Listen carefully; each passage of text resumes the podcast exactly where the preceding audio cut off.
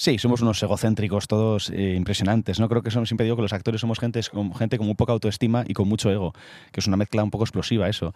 Y el que diga lo contrario miente. Esta gente de, no, a mí no me gustan los premios, no, a mí no me gusta. A todo el mundo le gusta, porque si no, no te subes a un escenario y te expones tanto.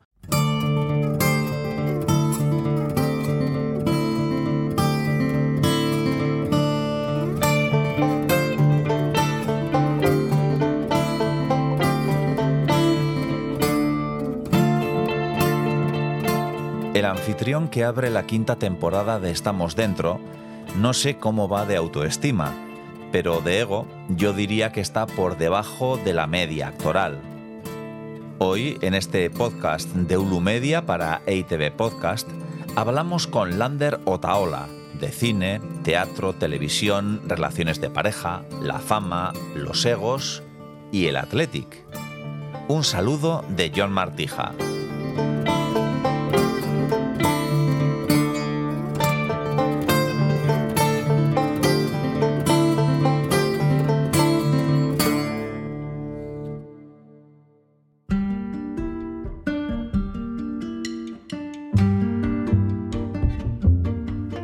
A pesar de su juventud, Lander Otaola ha trabajado mucho y bien. Debutó protagonizando una película, La máquina de pintar nubes, aunque fue con vaya semanita cuando dio el salto a la popularidad. A partir de ahí le hemos podido ver en películas como, por destacar algunas, Zorion Perfectua, Secretos de Cocina, Ocho Apellidos Vascos, El Primer Último Día, Picadero, La Pequeña Suiza, El Cover, también en series como Fugitiva, Amares para siempre, Patria o en obras de teatro como Sueño de una noche de verano o Babacoac, Yo soy Pichichi, Los otros Gondra o Queen Lear. Gira a la derecha hacia Loruri Echaldea. Luego gira a la izquierda para continuar por Loruri Echaldea.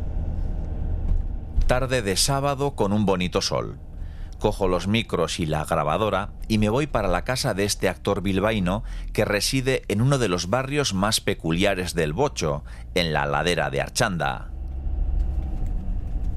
Tu destino está a la derecha.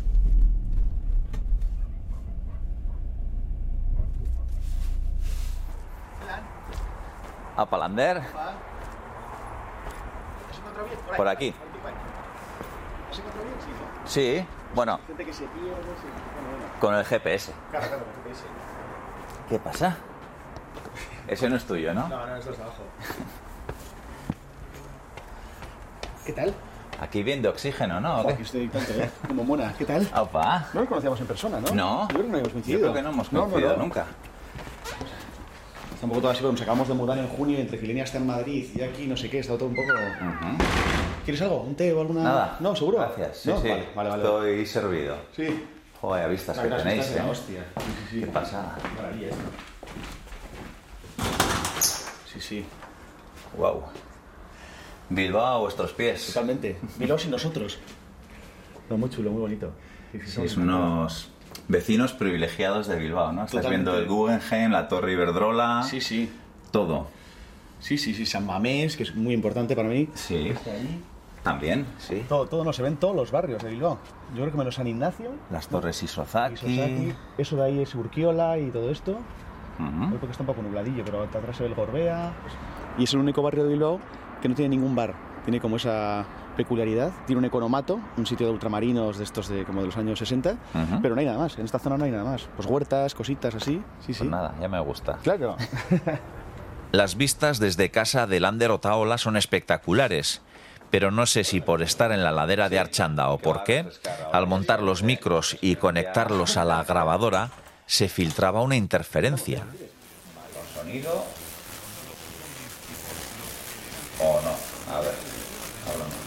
Una, dos, tres, cuatro, cinco, seis.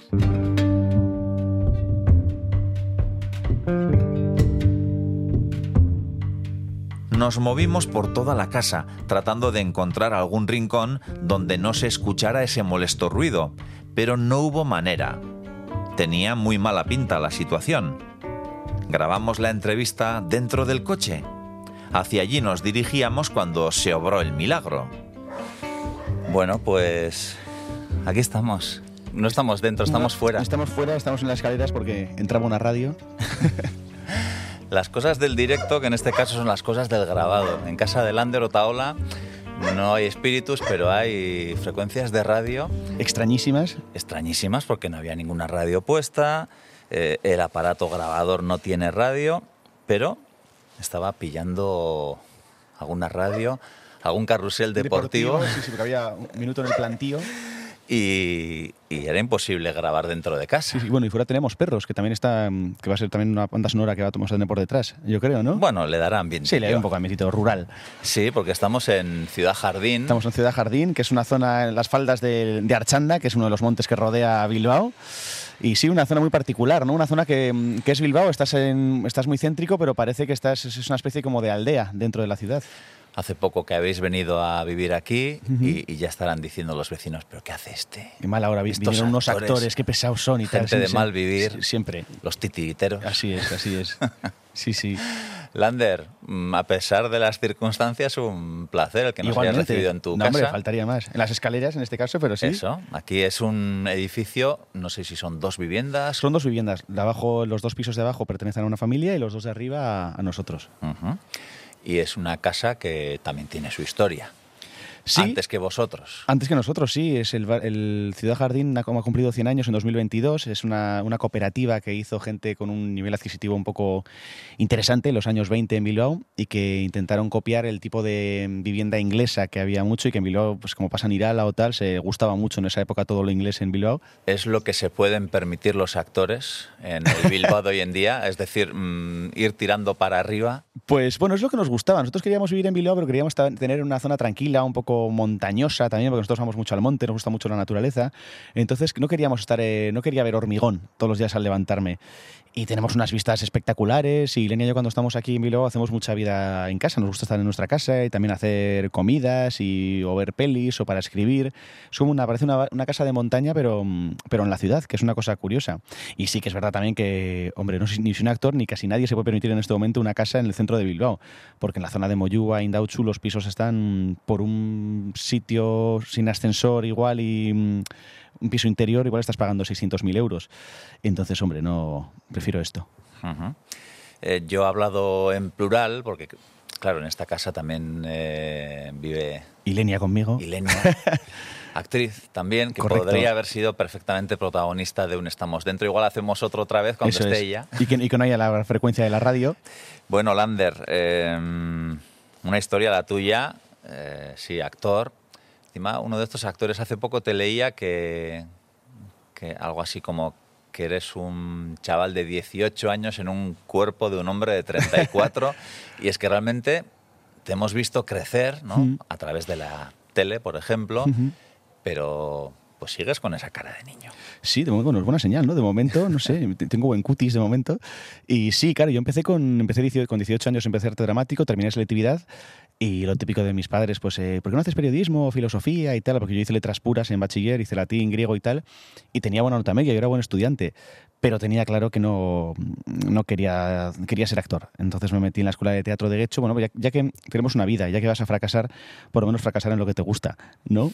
Y nos metimos en la escuela de teatro de Guecho, ahí conocí a Ilenia, y con 19 años, mm, Pacho Teguería y Aitor Mazo hicieron un casting para la máquina de pintar nubes y me cogieron. Entre no sé cuántos chavales de jóvenes y tal, eh, me cogieron y ahí también empecé con mi representante, con Loinaz Jauregui, que es la misma de hoy en día, cuando nos llevaba muy poco, nos llevaba a mí, a Iñaki Ricarte y a Loreto Mauleón. Creo que eso nos llevaba tres o cuatro. Y que Loreto también estaba en la peli, debutamos juntos Loreto y yo en esa, en esa peli. Yo tenía 19 y ella, ella creo que 20, tiene un año más que yo. Y hasta hoy, un poco. Y luego empecé ya, pues hice Sucal de Contúa, con Espea Goenaga, Sorión Perfectua, con Gartiburu. No me cuentes todo así de tirón. Vaya semanita porque- y ya, un poco hasta hoy. Han pasado, pues a lo tonto, eh, casi 15 años de eso. Pero eso, ¿no? De una escuela de teatro, la de Guecho, que hoy está bien, pero bueno, no es que te has ido a Madrid a pues eh, debutar con una película, Mm.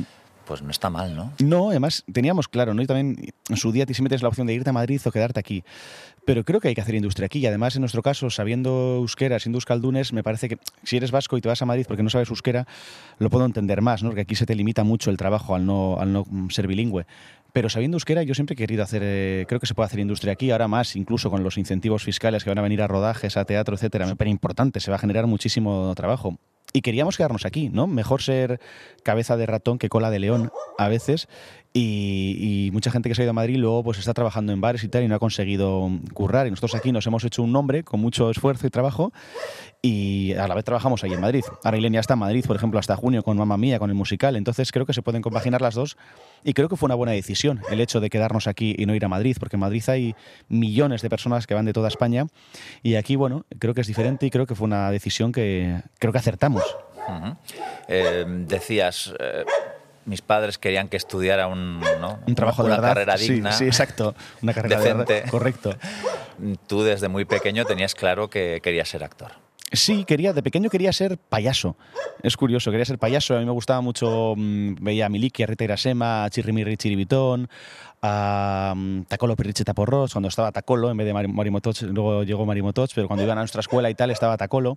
Y yo quería ser eso, quería hacer gracia, o veía Siete Vidas y yo quería hacer lo que hacía Javier Cámara, o veía Tricicle. Yo creo que el grupo de em, teatro Tricicle es el grupo que más me ha influido, ¿no? Yo decía, yo quiero hacer eso, lo que hacen estos, estos tíos, estos clowns, estos mimos. Y quería ser payaso y luego derivó en, en actor también he tenido siempre esta vicisitud de que como también escribo y tal y cual, pues de hacer cosas de dramaturgo, de guionista, pero sí de presentador, pero sobre todo lo que soy es, es actor.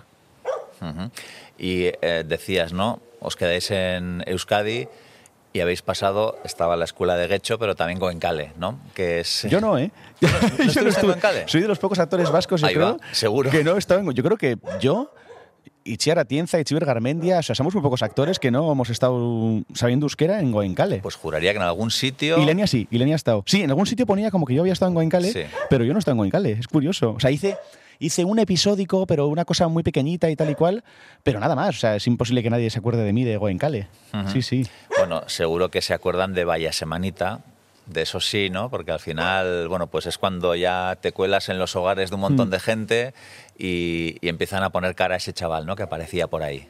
Sí, de repente entré con 20 años en Vaya Semanita y era curioso, ¿no? Porque yo en el ISTI siempre había visto Vaya Semanita y era un fanático de la serie. Todo Euskadi, todo el mundo veía Vaya Semanita en esa época. Me parece que fue dentro del humor un programa referente en, todo el estado, no solo, no solo aquí.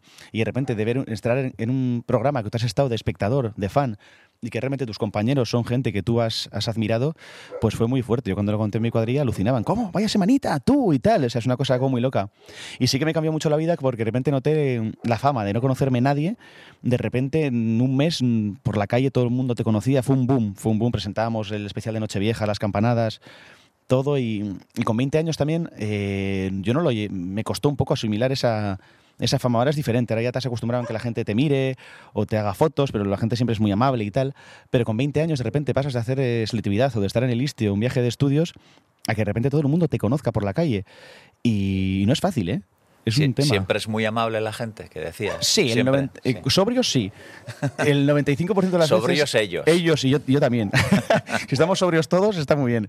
No, pero sí, siempre hay alguno, que algún tarao, pero bueno, es uno de cada, de cada mil. La gente es muy amable, eh, te tratan con mucho amor y con mucho respeto y no es muy bonito recibir el cariño de la gente, es, es, precioso, ¿no? Y significa que tu trabajo lo están viendo, que es muy buena señal que te conozcan.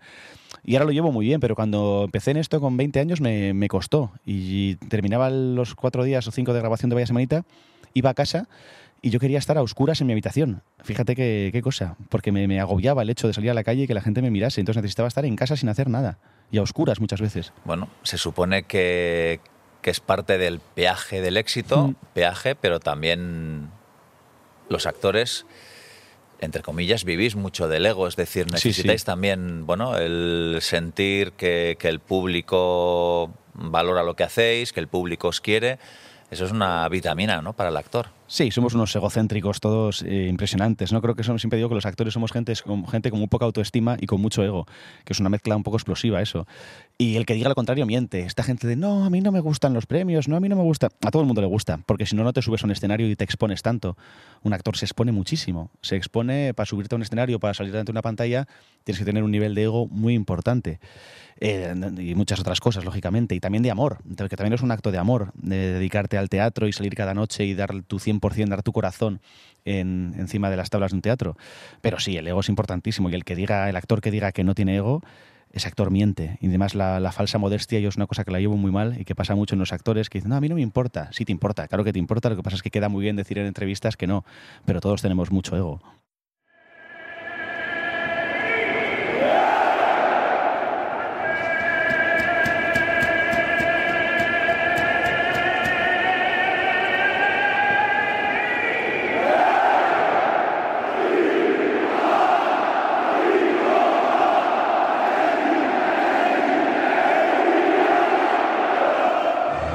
Hemos saltado un capítulo importante y de hecho cuando veíamos Bilbao a nuestros pies aquí desde el balcón de tu casa, se ve San Mamés, importante. Eh, Tú has pasado por el Athletic. Sí, también me echaron. También me echaron de ahí. Me echaron como de ahí. a tantos. Como, como, como al 99,9%. Sí, sí, me echaron de, de vaya yo, yo, he visto cromos tuyos. ¿eh? Ha, habido un, ha habido un cromo y hay un vídeo también en el que yo le pido la camiseta de Cheve en un partido de Athletic Real aquí en Samamés, que claro, los, los estábamos de recoge pelotas, las categorías inferiores. Y hay un vídeo que, tiene, que grabó Canal Plus en su día y que yo salgo pidiendo la camiseta de Cheve y tal. Y, y sí, fueron años muy. Tú ya chupando cámara. Por supuesto. Ya. Desde pequeño ya, ya se veía un poco el tema. Y fueron años muy bonitos y muy emocionantes. Al final eh, llevar los colores de tu equipo por, por diferentes campos de, del estado es, es, muy bonito, es precioso, es, es, vamos, es todo lo que todo niño de Vizcaya quiere, ¿no? Jugar en el Atleti, en, o casi todo niño. Y sí, yo estuve cuatro años las inferiores, jugué con, soy de la generación del 89, que también estaba en Raspe, Miquel San José, eh, luego Ibai Gómez que estaba en el Santuchu, de Marcos que estaba en el Alavés, Ander Herrera en el Zaragoza, jugué contra Giovanni Dos Santos, contra Parejo, somos esta, esta generación que han, ha llegado mucha gente a, a primera. Y, y, qué decir, no sé. Es que ¿Jugabas de delantero? Delantero o extremo derecha. Uh -huh. Sí, sí, sí. Luego me empezaron a poner de extremo izquierda, de medio centro y tal y cual, y también yo fui perdiendo un poco el, el, interés. Hay un momento que es curioso, ¿no? Que la gente dice que deja el fútbol, pero también el fútbol te deja a ti, ¿no? De repente, de un año a otro, más cambia muchísimo. La, es, el fútbol es una cosa muy mental, muy emocional. Es lo que decía Valdano, que tiene razón, que igual es muy pedante, pero el fútbol es un estado de ánimo también. Y si tú no estás 100% en convencido de que eres el mejor o que vas a llegar a primera o que eres importante o tienes un rol importante en el equipo, juegas peor, aunque tus condiciones sean las, las mismas. Es muy mental. Esa mentalidad que decías antes de que si vas a fracasar en la vida, fracasar Exacto. en algo que te guste Exacto. ya. Como punto de partida, no ibas bien con eso, ¿no? No. Yo nunca he querido ser futbolista. Se me daba muy bien y de repente me, me planté en el Atleti porque estaba la selección de Euskadi, quedamos subcampeones de España y de repente yo, pues era bueno pero no era mi objetivo. Yo quería ser, quería ser actor, o sea, o, o, o, algo relacionado con las artes escénicas o el cine. Yo siempre he sido muy, muy, muy cinéfilo, muy cinéfago, más que cinéfilo incluso. También mis padres me han inculcado mucho el ir al teatro, el leer, eh, no sé. Y siempre me ha tirado más esto. Y mi mundo además está más cercano, de forma de ser y de todo, está más cercano al arte que al, que al deporte. Uh -huh. De hecho, también he visto que tenías algunos carteles de cine colgados en la pared, Hmm. ¿no? Mm, esos actores que has visto en películas, no en pantalla grande, que, que te han impactado, esas interpretaciones que, que, te han dicho, yo quiero ser ese, Hmm. yo quiero hacer eso. ¿Tienes algún, no sé, algún momento mágico en el que se encendió esa bombilla? ¿Alguna película que viste? ¿Algún actor? Yo, es que yo es que he visto tantas pelis y me gustan tantos actores que es difícil elegir. Yo, me, yo a mí me marcó mucho la interpretación de Alex Angulo en El Día de la Bestia, por ejemplo. De hecho, algún carnaval me disfracé de él, del padre Ángel Bergartúa y tal. Y no sé, también Jim Carrey, siempre he sido un fanático de Jim Carrey, Robert De Niro, Javier Bardem, Alberto San Juan, Guillermo Toledo. Y me fijo más en actores igual porque yo soy actor. Entonces imagino que si le preguntas a Ilenia o una actriz, te dirá actrices. Y es que soy muy fanático de mucha gente, de Al Pacino, de Robin Williams, que me parece un actor total, me parece que tiene toda la gama de todo lo que se puede tener un actor, creo que lo tiene Robin Williams. No sé, y luego también soy muy fan de los actores secundarios de, españoles, ¿no? que me parece que en España siempre ha habido actores como José Zatornil, López Vázquez, eh, Manuel Alexandre, mm, toda esta generación de actores, Tony LeBlanc, los Ozores, que para mí eran, les ves, que eran gente que hacía 150 películas, o sea, tiene unas filmografías eh, interminables, ¿no? Y que hoy en día es impensable, ¿no? Ningún actor de mi edad creo que puede abarcar tanto. Y era otra forma de, trabajar, no sé, y es muy bonito haber trabajado con actores a los que has admirado, que de repente dices, si a ese Lander de que tenía 13 años le dicen que un día iba a trabajar eh, que, iba a ser el hermano de Paz Vega en una serie, o el hijo de Mercedes San Pietro, o el hijo de Carmen Machi, o el hijo de Carra, el Ejalde, o no sé, si me, a ese Lander le dicen eso, que iba a trabajar con esta gente que tanto he admirado, eh, no me lo hubiera creído, nunca. Y es, bonito. Siempre se dice, ¿no? Cuando un actor debutante novel joven comparte un set con pues alguna leyenda, ¿no? Como las que has citado, claro, enfrentarte en un en un cara a cara con un Carra Elejalde, así a primeras, pues tiene que imponer, ¿no? La primera vez sí, luego con Carra justo luego he hecho, cuatro proyectos en los que he estado con Carra y Carra es que es, cine, es el cine español, te cuenta historias ese cine español que se hacía en los 90 de Airbag o de Año Mariano, de las pelis de Medem. Es un mundo, un cine español muy diferente al que hay hoy en día y es muy interesante escucharles o trabajar con Antonio Medina, que es un actor de los de Estudio 1, con José María Pou, que acabo de hacer una gira de teatro con él y te cuentan cosas que, claro, era otra manera de cuando estaba el carnet de actor, el carnet de actor en prácticas, es otro mundo, o sea, es otro mundo que los actores de ahora ni nos imaginamos, no, no, había escuela de interpretación como hay ahora, era, otra, era otro, otro concepto. Y sí impacta, pero luego, es curioso, la gente más grande es la gente más humilde. De verdad, y la gente que menos problemas da en un rodaje o en un, teatro, porque tienen, tienen mucho amor por la profesión. Claro, eh, estás en un momento en el que te cuentan historias del cine de los 90, de los 80 y supongo que se mira con, cierta nostalgia, con cierta envidia, porque las condiciones también han cambiado. Sí, y los sueldos, sobre todo. Yo no conocía esos sueldos, pero debía ser que en los 80, 90, hace poco me contaba Enrique Villén, también actor mítico secundario y tal, me decía, es que en los 90 hacías una peli, una peli con 10 días de rodaje y vivías todo el año. Hoy en día tú haces una peli con 10 días de rodaje y vives tres meses. Es que ha cambiado mucho, han cambiado mucho los sueldos, han cambiado las condiciones, la manera de rodar. Ahora, antes los rodajes eran más largos, ahora se roda mm, rapidísimo, es como más, más fast food en muchos, hay mucho más mercado. Pero, pero las condiciones laborales, mm, pues hombre, a nivel de sueldos, de tal, eh, no son las mejores en este momento, la verdad. Y hay demasiados actores, estamos muchísimos actores, sobre todo de generaciones de 45 para abajo, eh, hay muchísimos actores y actrices. Luego están las plataformas, ¿no? que al menos mm, en esas condiciones, hmm. pero sí que han hecho que se multiplique el trabajo. ¿no? Sí, no son, y lo que te digo, además, en Euskadi se va a empezar a rodar mucho. Y sí, las plataformas, además, es, bueno, es una manera que nos ha salvado, mm, sobre todo en esta época de pandemia y tal, había tanto, mm, tanta demanda ¿no? de series que encima ahora la gente se ve las series en un día. ¿no? Tú te ves una serie, empiezas a las 10 de la mañana y a las 8 de la tarde ya te la has visto. ¿no? Aquí la gente quiere series eso de 8 capítulos de 40 minutos y ver todo en un día, ¿no? Y, mañana otra, y mañana otra, y mañana otra. Hay mucha demanda. Es curioso que el trabajo de un año una persona luego se lo ve en un día. Es curioso, ¿no? Con todo lo que cuesta un rodaje, si la gente Es curioso y triste, ¿no? Porque todo el esfuerzo que hay detrás, sí, sí. lo que cuesta levantar un proyecto, mm, hacerlo y, que luego pues se devore, como dices, en un día. Sí, sí. Y si la gente fuese a rodaje, si ves lo que realmente es un rodaje, alucinaría del trabajo que hay detrás, de todas las personas que están implicadas. Em, es un trabajo duro y que te afecta el hecho de que llueva, te puede hacer que ese día no haya rodaje. El hecho de que haya un sonido en una esquina, de repente te entra, como nos ha pasado a nosotros en el micro, y hay que parar el rodaje. O que un actor se ponga enfermo. No nos podemos permitir. Yo he hecho a veces eh, funciones con fiebre o cosas así, porque no puedes fallar. Porque si tú fallas en un rodaje, por ejemplo, es mucho dinero el que se pierde. Entonces es, hay mucho esfuerzo detrás y muchísima gente. Y luego es curioso que eso, que lo que ha sido un trabajo de un año, eh, la gente se lo ve en seis horas. Incluso hay gente que igual empieza a ver una serie y dice, ah, una mierda, fin, y la dejas de ver. ¿No? que es normal, que estás en tu derecho como espectador, pero es, es, es curioso, ¿no? De cómo, del trabajo luego, cómo se bueno, en un día ya está, ya te lo has, devorado. Estamos en esta sociedad del zapping. Estamos, eh, eso, ¿no? Con un, una sobreexposición a los contenidos audiovisuales, ya sean series, películas, eh, TikTok o lo que sea y, ya es la, la gente si pudiera hacer con el dedo pulgar para arriba en el cine lo haría. Totalmente. Bueno, hay gente que ahora en Netflix ve las, las series a doble velocidad, que me parece alucinante. O sea, ¿cómo puedes ver una serie a doble velocidad? o sea, no lo entiendo. Es como, ya la he visto, siguiente. Y la gente ve las series en el móvil y, claro, muchas cosas que son que hace años serían sacrilegios, ¿no? Con todo para un pobre director de foto que se ha dejado su alma, pues igual lo estás viendo en el móvil su serie y te les puede dar un infarto, no sé. O al montador que la estés viendo a doble velocidad. velocidad. O al actor, que es también, claro, a todos, o al guionista, o... Bueno, estamos en tiempos extraños. Bueno, como dicen en Esperando a Godot, no hablemos mal de nuestra época, que no es peor que las anteriores, pero es un, son tiempos extraños, porque hay demasiada cosa, hay demasiado... Internet ha revolucionado... Hay gente que, sobre todo gente joven, que ya no ven series, ¿no? Ven vídeos de TikTok de 30 segundos, más de 30 segundos, les aburren. Es curioso.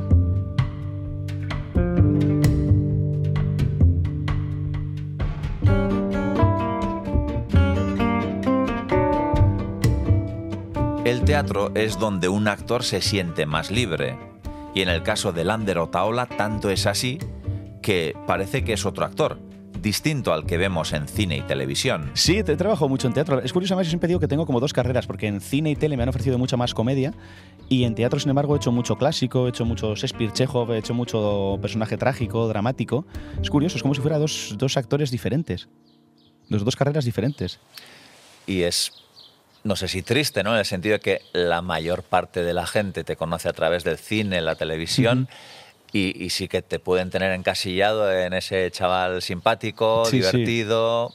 Sí, Pero sí. claro, tienes otros registros y te gustaría también explotarlos, entiendo. Por supuesto, sí. Lo que pasa es que es verdad que en cine o tele te encasillan, ven que funcionas para un tipo de papel y la mayoría de castings que me llegan y tal son para un personaje mm, parecido. Mira, ahora empiezo una peli, por ejemplo, que se llama Deviant, en Álava, que es un personaje diferente. Es, una comedia como comedia negra, como con un poco de género, pero el personaje es diferente y estoy agradecido también por eso, ¿no? Porque no, no me han dado lo típico que me dan siempre. Y claro, y en teatro es otro mundo. En teatro de repente, mm, pues ahora que acabo de hacer este año dos Shakespeares, ¿no? El Queen Lear, una versión del Rey Lear en el teatro español, y luego con Calisto Vieito, mm, hecho de, de Enrique V, ¿no? Con José María Pou haciendo de Falstaff y tal. Y es otro mundo, es de repente es una tragedia shakespeariana. O cuando he hecho mm, La gaviota de Chekhov, que era un personaje que se acaba suicidando. eh. No sé, he hecho. Es curioso, ¿no? Son, ya te digo, como si fueran dos trayectorias paralelas y soy el mismo actor. Ujú. Y en esos castings o ¿no? en esas eh, alternativas de proyectos que pueden surgir, ¿qué papel juegan las redes sociales? Digo en el sentido de que cuantifiquen ¿no? el número de seguidores que tenéis para ver si os ofrecen el papel o no. Eso pasa, ¿eh? Eso parece que es un bulo, pero eso pasa. Incluso actores les han obligado a hacerse redes sociales y tienes que tener redes sociales. Y dicen, no, no quiero, es que tienes que tener. Y sí que lo miran, ¿no? Por el hecho de que, mm, que luego es- no creo que vaya a ningún lado. Hay actores que, han- que tienen 7 millones de seguidores, hacen una película y no va nadie a verlas al cine. Porque a esos seguidores igual les interesa ver tu vida privada, pero no tu trabajo, ¿no? Les interesa que hagas una foto en bañador y quién es tu novio o tu novia pero, pero sí que lo miran, es así, o sea, no, no, es una, no es un rumor de esto de que no, no, no, no, sí, sí que pasa. Y cuando alguien tiene 80.000 seguidores, pues bueno, pues se supone que si tú haces un post de una peli, esos 80.000 lo van a ver y es una manera de ahorrarte publicidad a la hora de, y de llegar a más gente. No lo entiendo, pero es así. De hecho, hay muchos actores que son muy famosos eh, de toda la vida y no tienen redes sociales o tienen mil y pico seguidores y una persona que es influencer, que yo no sé quién es, que sale como en canzoncillos, tiene dos millones. Es curioso esas cosas, pero bueno, es el- la época que nos ha tocado vivir, de alguna manera. Casa de dos actores, como decíamos, Lander Otaola y Lenia Baglietto. A mí siempre me ha llamado la atención. Para eso sois actores, para eso interpretáis, para eso os metéis en un papel.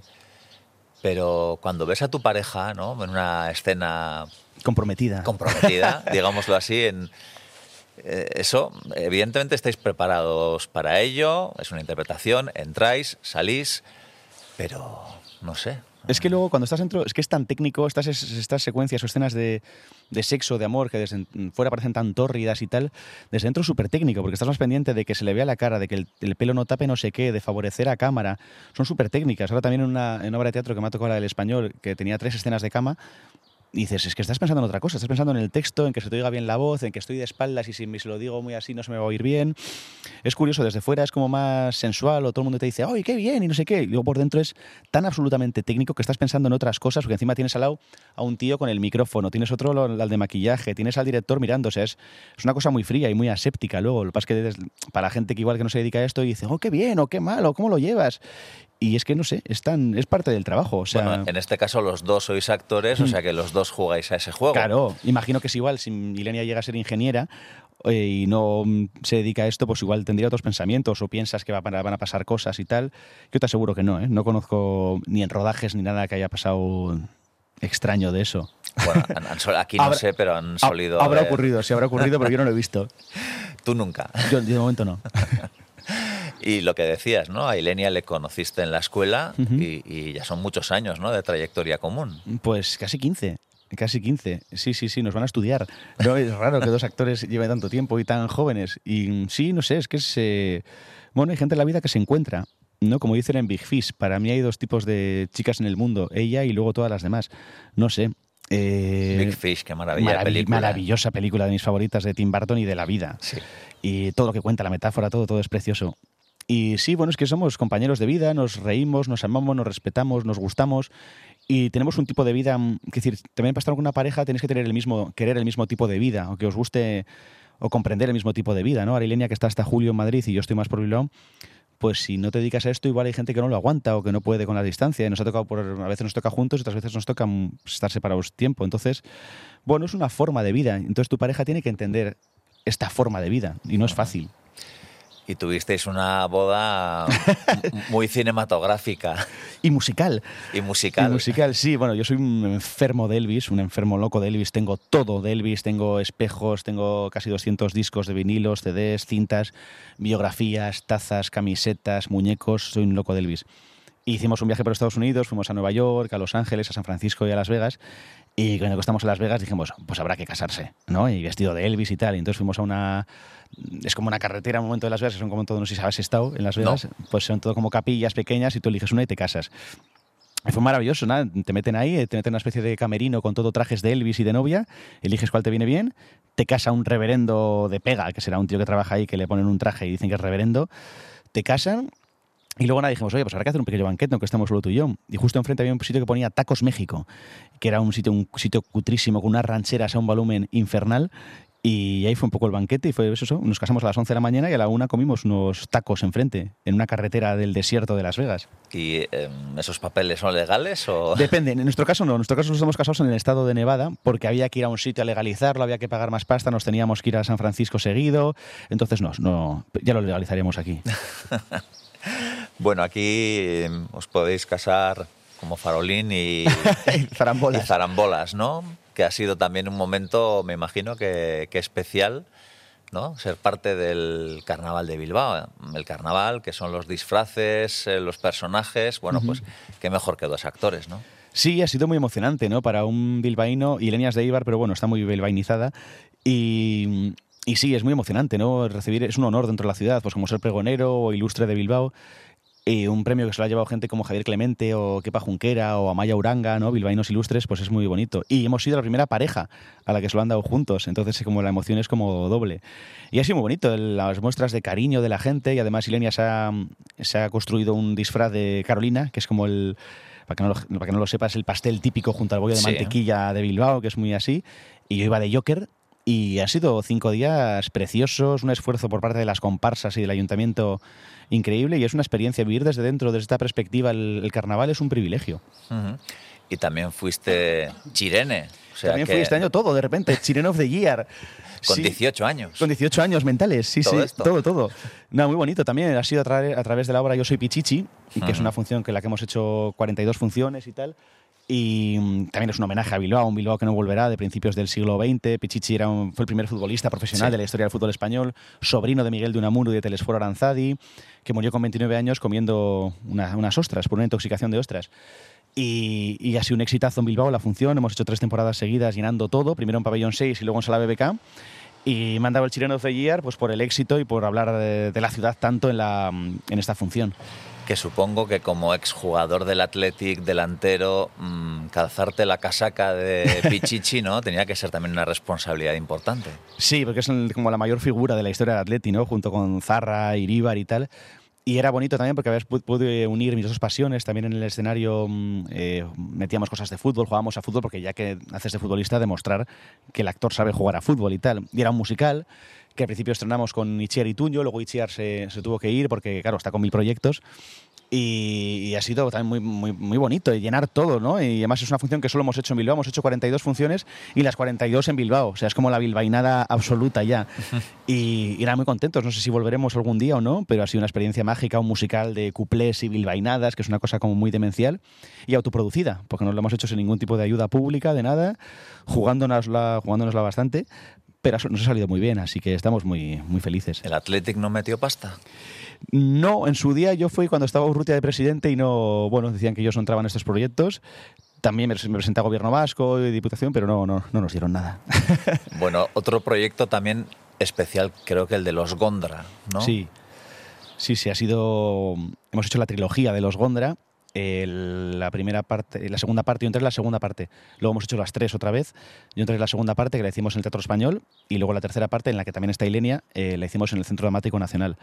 Y también ha sido muy emocionante estar 16 actores en escena ¿no? Eh, y contándonos en Madrid una historia tan vasca y hablando en euskera en, y en castellano en Madrid. No sé, ha sido, ha sido precioso y ha sido un exitazo también, la verdad, porque hacer una trilogía es rarísimo, hacer una trilogía en teatro, ¿no? Las secuelas son más de cine o de series que tienen temporadas, pero en teatro no se suelen hacer eh, trilogías y ha ido muy bien. La primera ganó el Max a Mejor Dramaturgia y la segunda, luego también hicimos gira, pero la pandemia nos, nos, cortó la gira. Hicimos unas 25 funciones luego de gira, pero la pandemia nos, nos, cortó el tema. Teníamos función en Ponferrada y justo el día que teníamos función en Ponferrada, que yo estaba en Benidorm rodando el cover, tenía que cruzarme toda España, justo decretaron el estado de alarma y, se paró todo y nunca, esas funciones jamás volvieron. ¿Te pilló el confinamiento en Benidorm? Sí, rodando el cover. Hubiera sido un buen lugar para pasar el confinamiento, pero no tuvimos que volver, volvimos a Bilbao rapidísimo, y Línea y yo, porque justo Línea más me estaba acompañando esos días allí en, en Benidorm. Y se paró la peli también, claro, se paró todo. Y, y luego la peli la retomamos, esto fue en, en, marzo, y la retomamos en julio, luego el rodaje de la peli. Entonces la peli también sufrió muchas cosas, actores que no se cayeron, actores que no podían rodar, etcétera. Fue un milagro. Y hubo momentos que decía, decía, no se va a hacer, algo va a pasar porque no, se, no arrancamos. Y Secund la Rosa, que era el director, me decía, no me lo puedo creer que debute como director y tiene que haber una pandemia mundial. Me dice, no me lo puedo. O sea, es que esto ya es, es, absurdo, casi. Y luego la peli ha ido muy bien, qué bien, estrenamos en Málaga, inauguramos el Festival de Málaga con ella, se llevó el premio del público, se ha llevado muchos premios.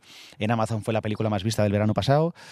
Y ha ido muy bien y ha sido una experiencia impresionante porque Secund de la Rosa yo creo que es uno de los directores con más, con más por venir. Bueno, y entre series, teatro, películas, saca rato para escribir un libro. sí, para perpetrar un libro.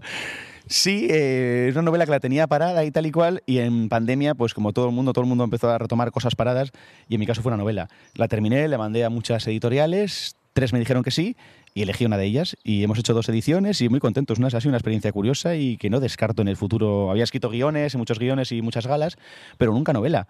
Y oye, he recibido buenas críticas, dos ediciones, estoy, estoy muy contento, más de lo que me esperaba. No va de ti porque se titula Mala Persona. Eh, podría, podría ser yo, ¿eh? podría ser mi biopic, pero no, es, un, es una autoficción que ahora está muy de moda y tal y cual, y es sobre esta generación un poco millennial de la que pertenezco, que nos dijeron que mm, nos íbamos a comer el mundo y más que comernos el mundo, el mundo nos ha comido a nosotros, ¿no? De, mm, gente con carreras, con másters, con el EGA, con el FERS, con el Advance, con no sé cuántas cosas y luego, sin embargo, con 30 años la gente está viviendo con sus padres y teniendo trabajos de mierda y mal pagados. ¿no? Es un poco de eso, pero desde un punto de vista de comedia negra. Lander, ¿qué tal tienes el culo? Frío, ahora mismo, ahora frío, ¿no? Espero no coger cistitis y, quedarme estéril.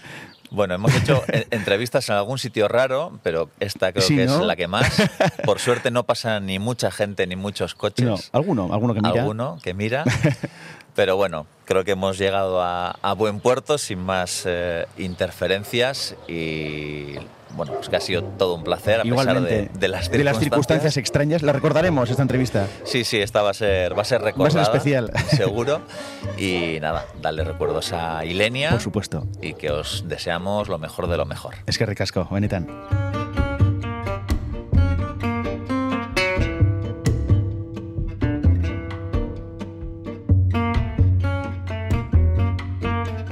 Hasta aquí esta nueva visita de Estamos Dentro, pero no sé si considerarla un nuevo spin-off de este podcast, Estamos Fuera. Pero más allá de contratiempos e incomodidades, porque os aseguro que la postura no era la más óptima para una distendida charla, quiero agradecer la paciencia y buena disposición de Lander Otaola para que la entrevista llegara a buen puerto.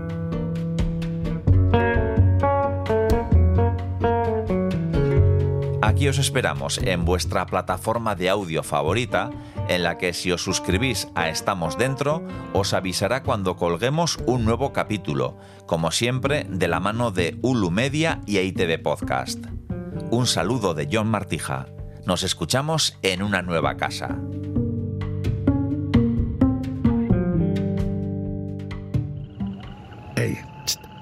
Hori.